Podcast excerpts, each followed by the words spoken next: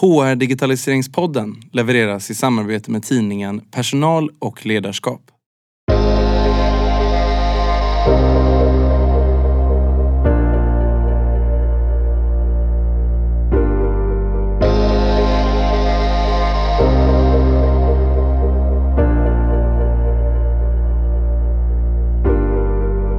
Hej och välkommen till dagens avsnitt av HR Digitaliseringspodden.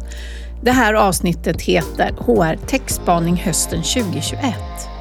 Idag ingen gäst, utan det är jag själv, det vill säga Anna Karlsson, som är i studion och delar med mig av de techtrender som hänger ihop med HRs utmaningar och behov, men också vad jag ser kring marknaden som helhet.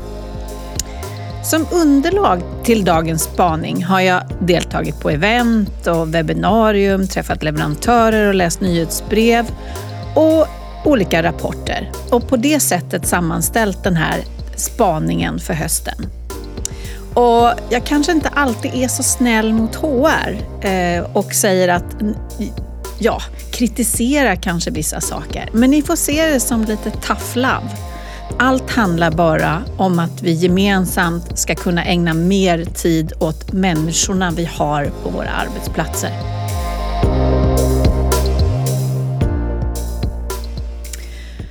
Förra spaningen, ja, den gjorde jag tillsammans med Tommy Kau för ett drygt år sedan. Det var i augusti. Vi hade precis fått gå hem från våra arbetsplatser och det var mycket fokus på digitalisering i formen av digitala möten, att kunna träffas och hur vi mådde. Vi hade stora utmaningar, många av oss, eh, och det ser ju annorlunda ut nu.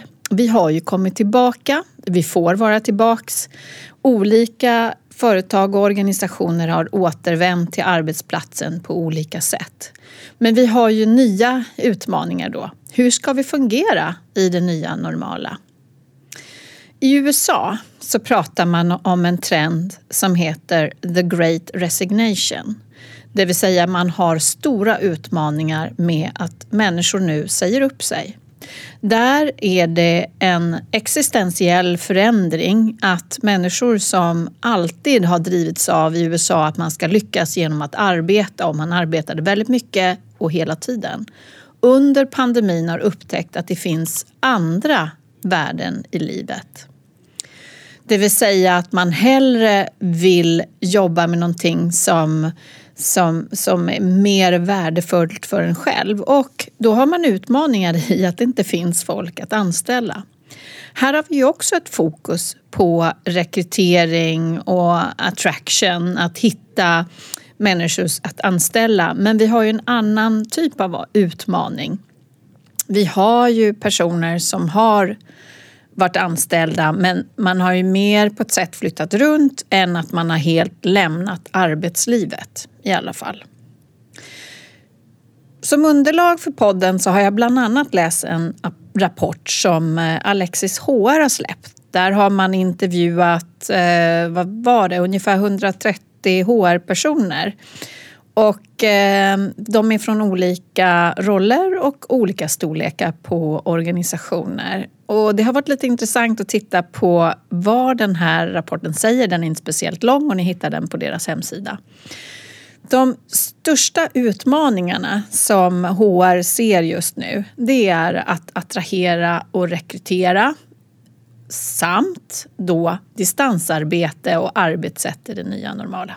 Så det är ju inga konstigheter. Det är ju två områden som, eh, som vi ser runt omkring oss. Och jag kommer återkomma kring det här med eh, techspaningen i relation till det här. Men det som är en annan sak som intresserar mig i den här rapporten det är att det här var utmaningarna man har också det som man prioriterar. Och där prioriterar man högst hälsa, eh, att må bra, det vill säga att arbetstagarna mår bra, och har sin hälsa och arbetsmiljö. Så det är inte samma saker som är största utmaningarna som är högst prioriterade. Hur hänger det ihop egentligen? En eh, tredje sak som kommer fram i rapporten som jag tycker är intressant och som stämmer överens med vad jag ser det är ju att vi har pratat om att HR har fått ett större mandat under pandemin. Man har hittat sin plats vid bordet, man har fått eh, vara med och delta i konversionen och eh, jobbar med hela den här utmaningen som har varit med människor som har rört sig, försvunnit, blivit uppsagda och allt det här man har hanterat. Men tyvärr, man har fortfarande inte fått tillgång till resurser. Så HR har nu mandat, men de resurser som behövs, och då menar jag inte bara personer utan också pengar, investeringar, eh, möjlighet att ha system som, som stödjer HR har fortfarande inte, eh, i alla fall ser man inte så att man har fått det i tillräcklig mängd. Och den analys som jag gör, och jag vet att jag delar den med Helene och Gustav som var med i första avsnittet för säsongen, det handlar ju om att, att HR, och nu är jag ju det här med min tough love, inte riktigt lyckas med att lyfta blicken och jobba strategiskt oavsett, utan vi hamnar lätt i detaljerna och fokuserar på människorna. Vi ska ju fokusera på människorna men någonstans så måste man sätta ner foten ta ett steg tillbaka, tänka till och, och göra en strategiskt arbete för att få de resurser som behövs. Det jag jämför med det är att inget företag som... Eh, ingen, nu ska vi omformulera här. Ingen verksamhet startas och är framgångsrik som inte har ett verksamhetssystem för att kunna planera, analysera, utveckla verksamheten baserat på leverans, vad det nu än är. Men det är ju jättekonstigt då att nu när fler och fler verksamheter byggs på människor, det är individerna, det är de som ska leverera. Det är inte någonting annat.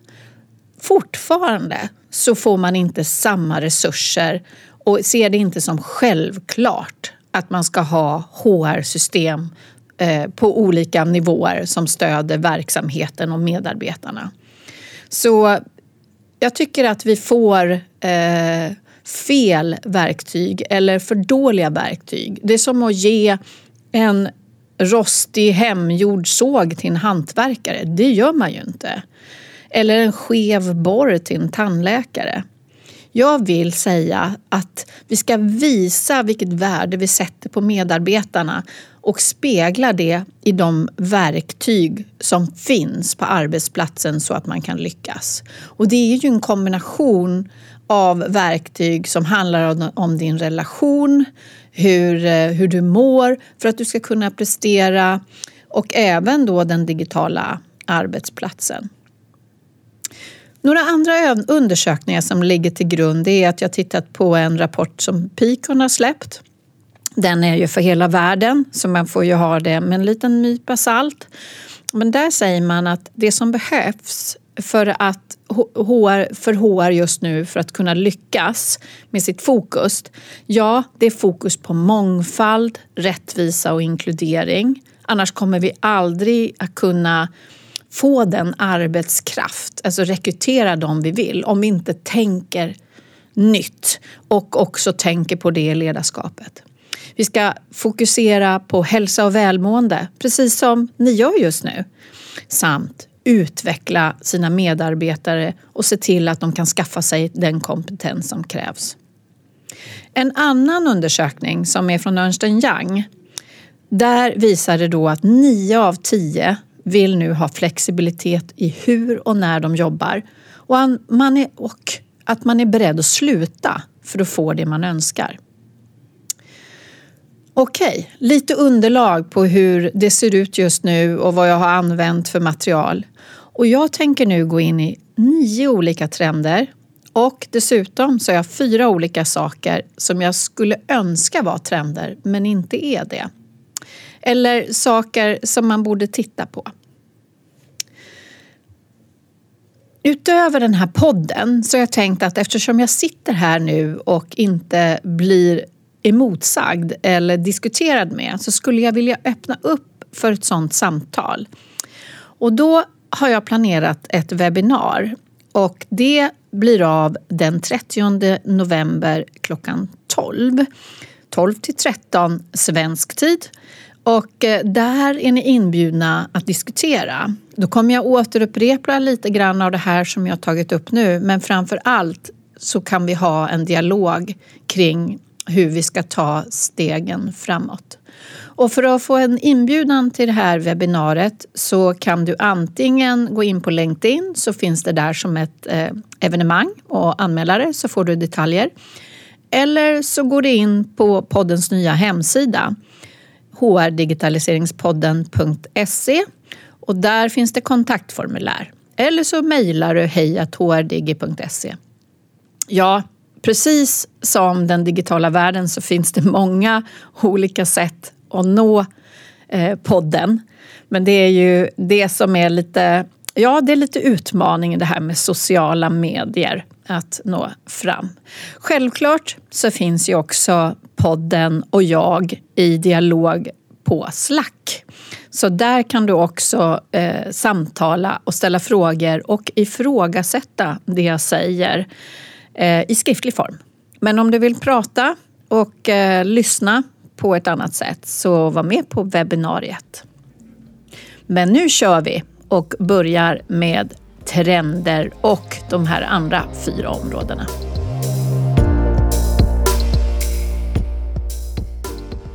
Och här kommer nu spaning nummer ett. Och det handlar om att något har faktiskt förändrats. Eh, det här med fokus på digitalisering och acceptans och vilja att ta in digitalisering i verksamheten inom HR. Fokuset har gått från att det är leverantörerna som driver på den här marknaden till att det är HR själva och jag är så himla glad för det.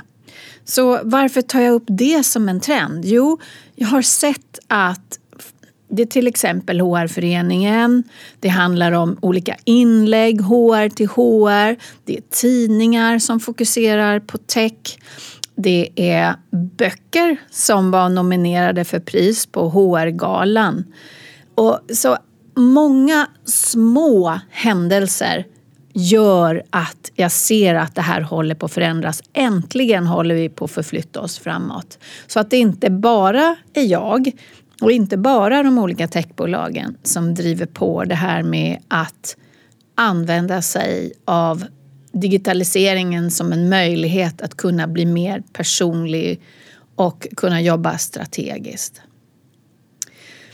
Sen är det ju det där då att när man då gör det så är det ju viktigt att kunna förstå vad digitalisering är och det går ju mycket den här podden ut på.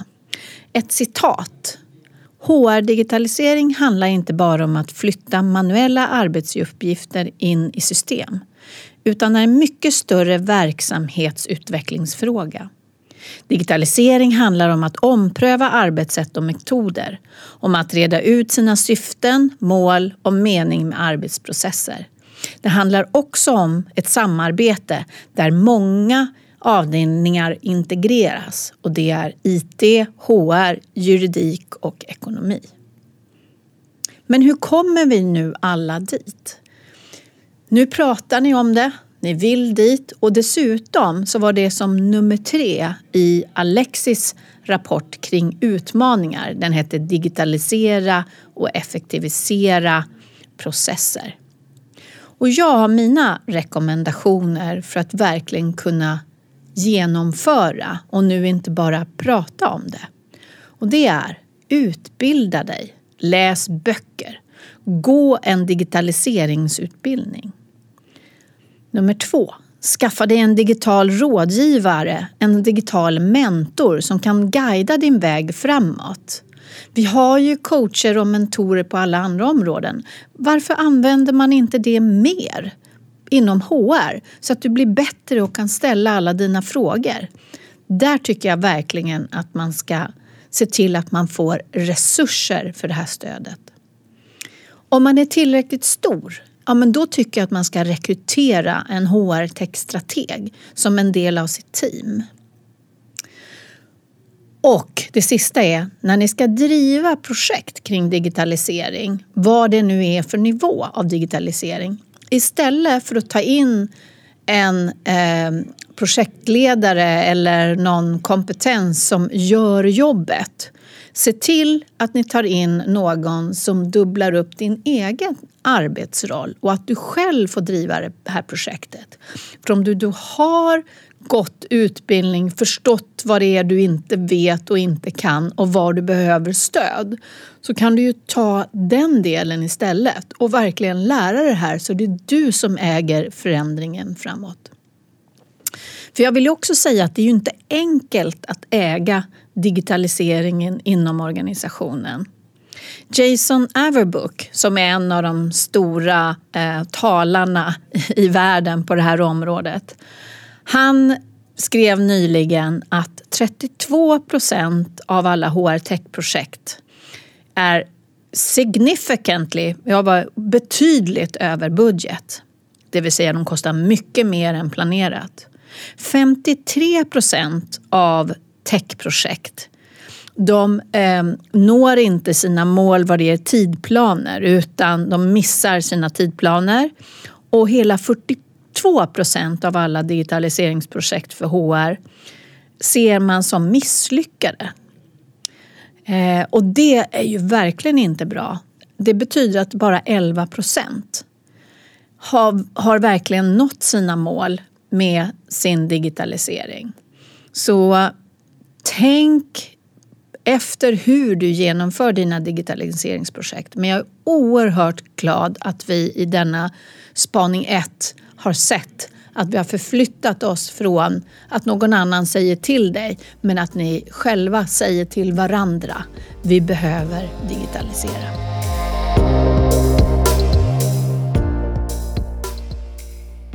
Spaning nummer två. Det här är att jag och mina kollegor ser att det pågår en oerhört stor mängd av digitaliseringsprojekt vad det gäller HR-system, det vill säga bassystem. Antingen utbyte eller sammanslagningar av system eller att man äntligen skaffar sig det här bassystemet som eh, hanterar masterdata och eh, stödjer HRs processer. Det är oerhört härligt att se. Eh, det har ju också blivit en utmaning för de som inte var lika snabba på knappen att starta. För många av mina kollegor är helt uppbokade. Dessutom så är det ju så att när man startar de här projekten så har jag upplevt att man i många lägen har lite bråttom. För när man väl har bestämt sig på HR, nej men då ska det göras nu. Då vill man inte tänka efter och ta det lugnt eh, och eh, faktiskt göra ett riktigt gott förarbete. Så det har varit lite stressigt att få till alla de här projekten. Den andra delen av varför det är så många just nu, det är för att det nu finns så oerhört många fler plattformar att använda sig av. Oavsett vilken storlek på organisationen du är så finns det stöd för dig. Jättehäftigt att eh, det finns möjlighet att digitalisera, digitalisera även de mindre bolagen och inte bara de stora som det var förut. Så fortsätt! Ehm, och det här hänger ju förstås ihop med den första trenden att det händer någonting nu. Jätteglad för det.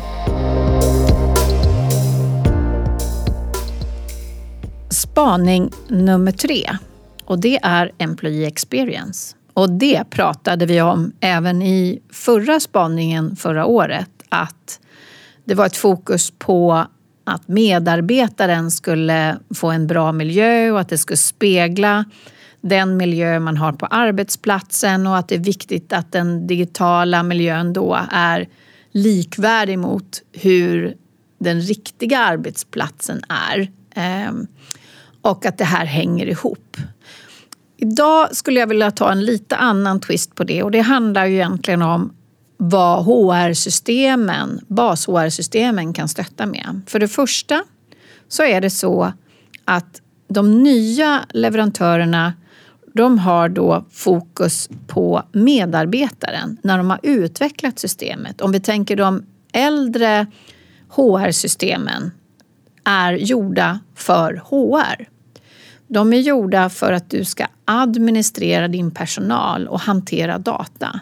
Men nu med de nya systemen, alla de som har kommit, både svenska och utländska, så handlar det om att det är medarbetaren som är i fokus.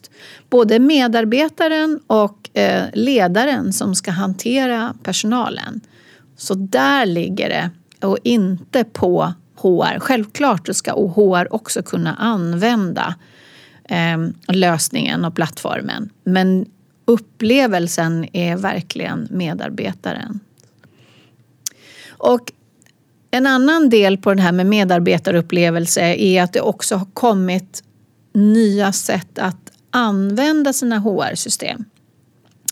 Det vill säga att, att man kan använda det direkt ifrån sin samarbetsplattform. Så här väver vi ihop det här med var vi arbetar och nu gör jag citationstecken här, det ser ju inte ni.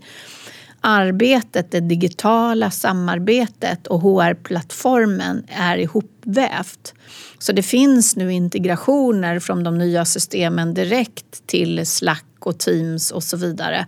Så att du som medarbetare inte behöver tänka på vart du ska vända dig för olika saker utan du har din samarbetsplattform. För varje medarbetare lägger ju inte oerhört mycket tid i ett HR-system. Det ska vara enkelt att veta och hitta och kunna arbeta med det men det är ju viktigare att ha det där du utför ditt arbete. Så det är en, en, ett nytt sätt att jobba och det här kommer nu i de olika HR-systemen.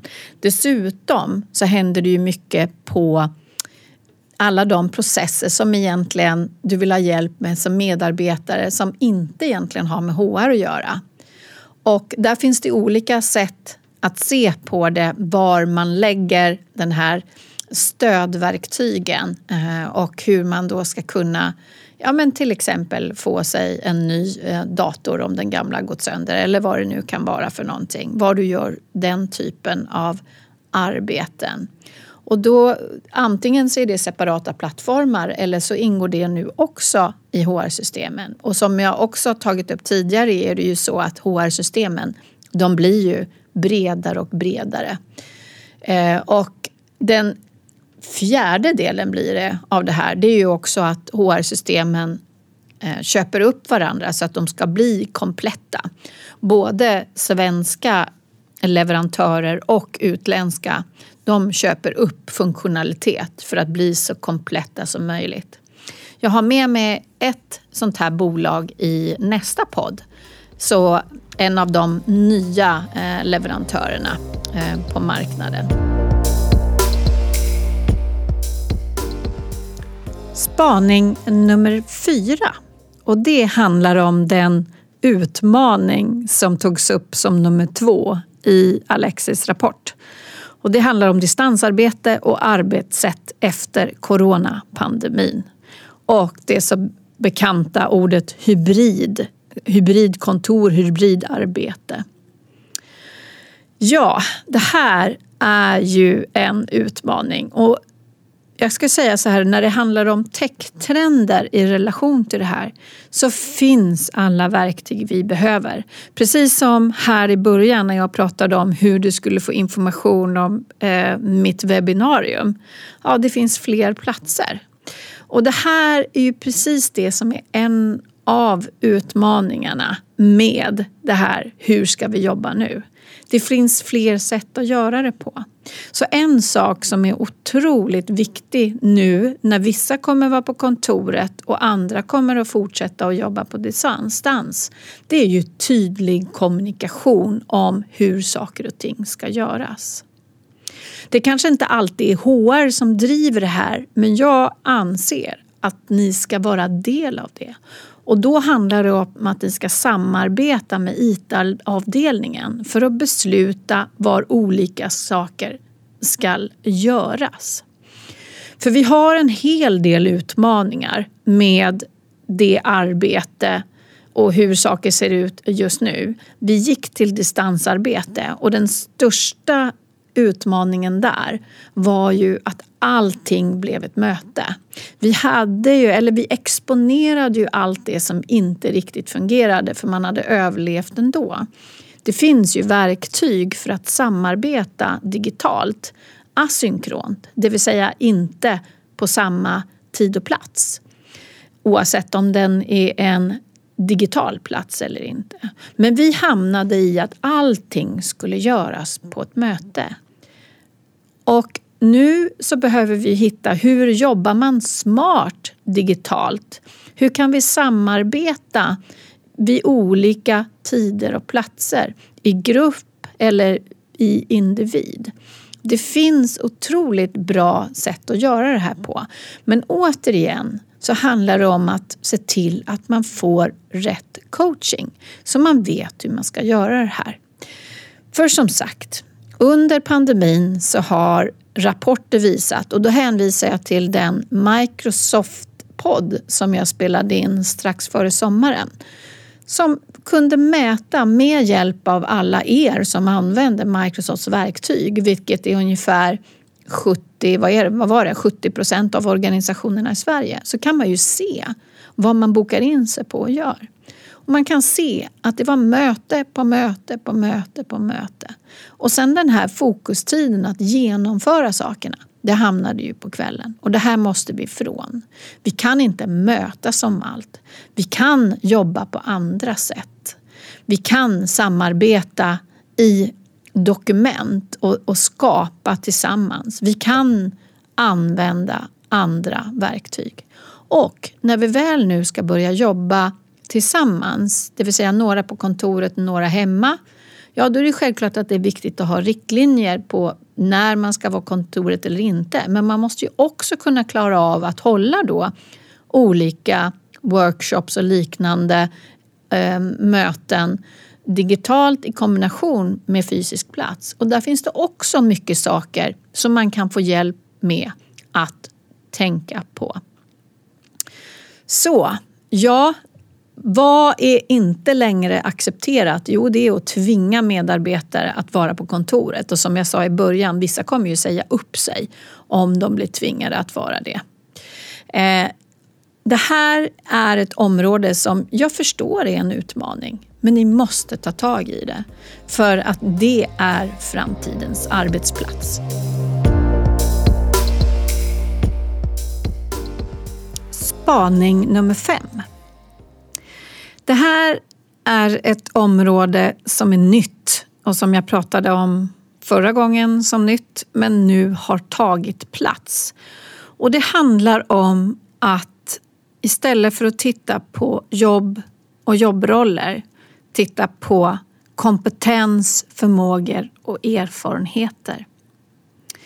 Det är väldigt mycket som förändras just nu och vårt gamla sätt att se på arbetstagaren, om det nu är en anställd eller en konsult, har varit utifrån jobbeskrivningar.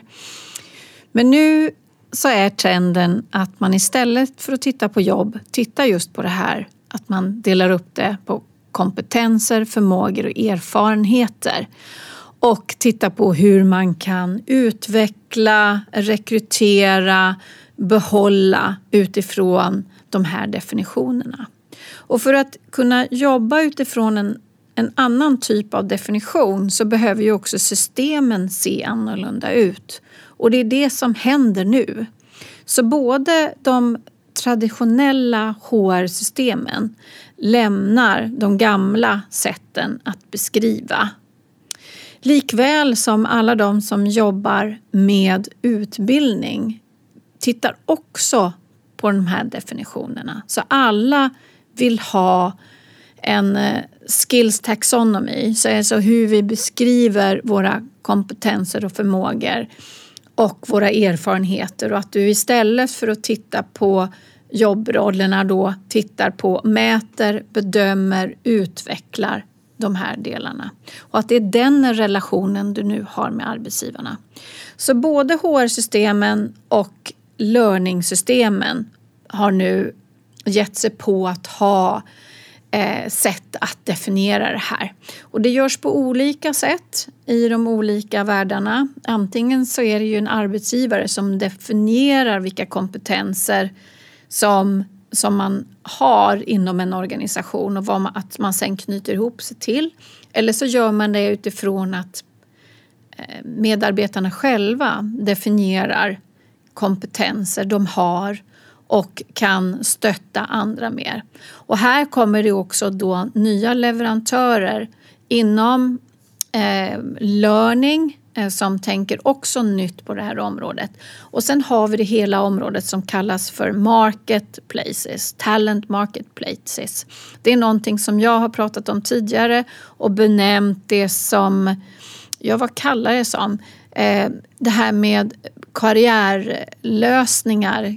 För det tittade mycket på karriären tidigare men det handlar ju om kompetenser eh, och förmågor och erfarenheter. Vad vill du lära dig? Vad vill du utvecklas inom? Vad är du bra på och vad kan du därmed då ta för roller? Så ett nytt sätt att se hela det området kring kompetens. Det har ju också blivit väldigt tydligt för en eh, eh, en organisation jag följer heter Fossway Group. De gör eh, analyser på HR tech-marknaden för Europa. Och de har ett område som heter Talent and People Success. Och de har precis eh, släppt en eh, rapport på det här. Och det är plötsligt en hel uppsjö med nya leverantörer som finns med där. Eh, och tidigare så var det välkända bolag men nu pratar vi också om de här som jag har tagit upp. Att de har kommit med här. Till exempel Gloat och Eightfold och Fuel 50. Eh, så det här med karriärprogramvaror eh, eller kompetensprogramvaror har blivit extremt stort.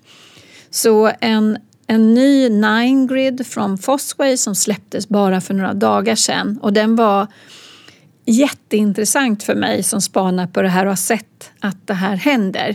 Men också nu kunna se att det faktiskt syns i vilka leverantörer som säljer och att de kan följa upp och mäta eh, många nya mark förlåt mig, många nya namn på den här marknaden som jag inte kände till. Och frågan är egentligen vilka som finns tillgängliga här i Sverige.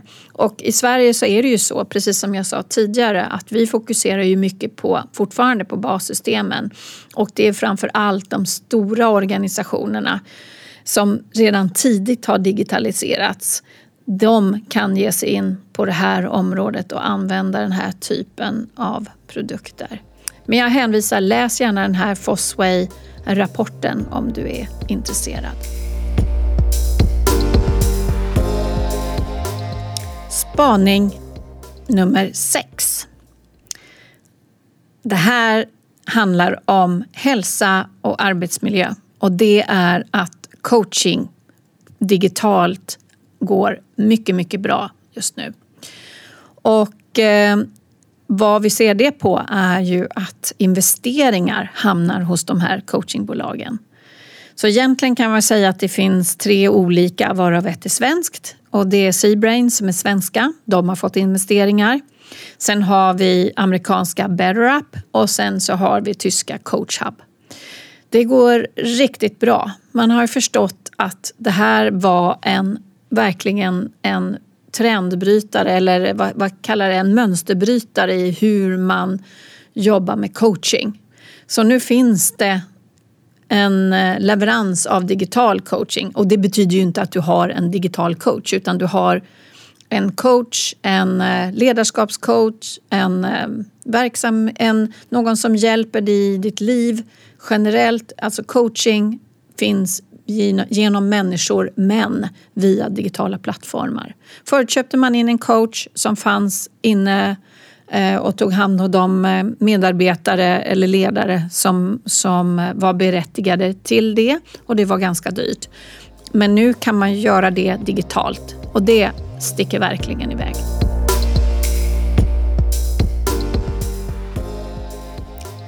spaning nummer sju. Och det handlar om rekrytering. Och egentligen så blir det en väldigt kort spaning det här också. Eh, och det är att allt finns där.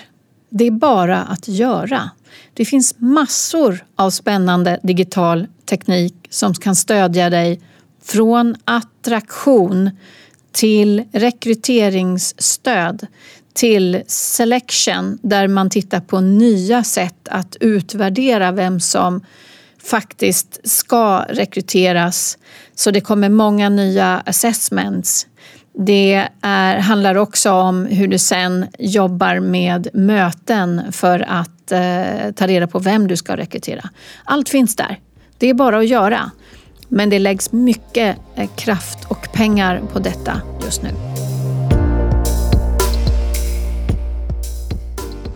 Spaning nummer åtta. Och här är en liten kort spaning om någonting som äntligen börjar röra på sig. Och det är virtual reality, alltså VR-glasögon som du sätter på dig för att uppleva en miljö eh, virtuellt. Det har ju kommit fram och använts mer under pandemin. Men nu är tekniken så pass billig, och, det vill säga glasögonen man använder och även möjligheten att utveckla och det finns många som utvecklar och har färdiga lösningar. Och du kan använda det vid onboarding för att inte behöva ta folk till din arbetsplats. Eh, du använder det vid utbildning, vid rehab, vid möten eh, och så vidare. Så det finns massa olika appliceringsområden och nu är det dags att ge sig in där. Spaning nummer nio och den sista spaningen. Den handlar om lön och lönesystem, eller vad ska vi kalla det för? Lönelösningar. Nu händer det. Jag har frågat efter det i podden om ni kände till någonting och nu har jag råkat på två nya plattformar för lön som håller på att utvecklas plus en annan plattform som också vill jobba med sättet hur vi hanterar och betalar ut lön. Så det kommer att hända saker på löneområdet, eh, men kanske inte just nu. Det här är en trendspaning för framtiden. Okej, och nu har vi gått igenom de nio trenderna eller spaningarna ska jag kalla det. Allt är inte trender utan det är mer spaningar på marknaden och vad som pågår. Och eh, som avslutning nu så tänkte jag nämna fyra olika områden som, som det har hänt saker med men inte trendar eller har så mycket fokus. Men eh, det kan vara bra antingen att fokusera på eller känna till. Och det första är att från förra gången så pratade jag om artificiell intelligens och röst. Här har det under året pågått mycket diskussioner om hur otroligt omoget AI är och eh, svårt för alla att eh, kunna interagera med. Det betyder att våra förväntningar på AI och samtal och chatt och använda röst och liknande är mycket högre än vad AI förlåt, AI-interfacet klarar av att vara tillbaka. Så vi blir besvikna på vad AI levererar. Inte bara på de enkla svaren men också Eh, Eh, exempelvis att vi blir trötta på att bara få förslag på när vi ska se film på en likadan film igen. Utan vi vill ha vi vill att AI ska förstå oss mycket bättre och där är inte AI ännu. Så det är nummer ett på det här med ja, saker som inte riktigt är som det ska. Ehm, det andra området där jag kanske vill klaga lite och det är att jag inte tycker att man inom HR lägger tillräckligt mycket kraft och energi på analys, alltså avancerad analys. Att kombinera data med affärsdata. Att verkligen komma vidare från basinformation till ett värde för organisationen. Det är där som det riktiga resultatet kommer i när vi implementerar HR-system. Så mer fokus på analys, det önskar jag mig. Den tredje saken som jag då också klagar på, det är saker jag tar upp här. Det handlar om innovativa projekt utanför HR-processstöd. Det händer fortfarande för lite. Det är för få som vågar ge sig på att ha en bra digital strategi som tittar på riktiga värdet för organisationen. Och den fjärde saken som jag önskar vi kunde göra mer på och som jag själv ska lägga tid på att studera mer, det är diversity och inclusion. Det vill säga, hur ska vi kunna bli mer eh, inkluderande och öppna och hur ska vi kunna veta om det? Hur ska vi kunna mäta och se att vi faktiskt lyckas med våra initiativ utifrån de regelverk som finns? Jag önskar att vi kunde göra mycket, mycket mer. Och med det så vill jag tacka för det här avsnittet av podden som då alltså var en, en spaning på vad som pågår hösten 2021. Och hör gärna av er om ni har några frågor. Annars kanske vi ses på webbinariet och diskuterar där.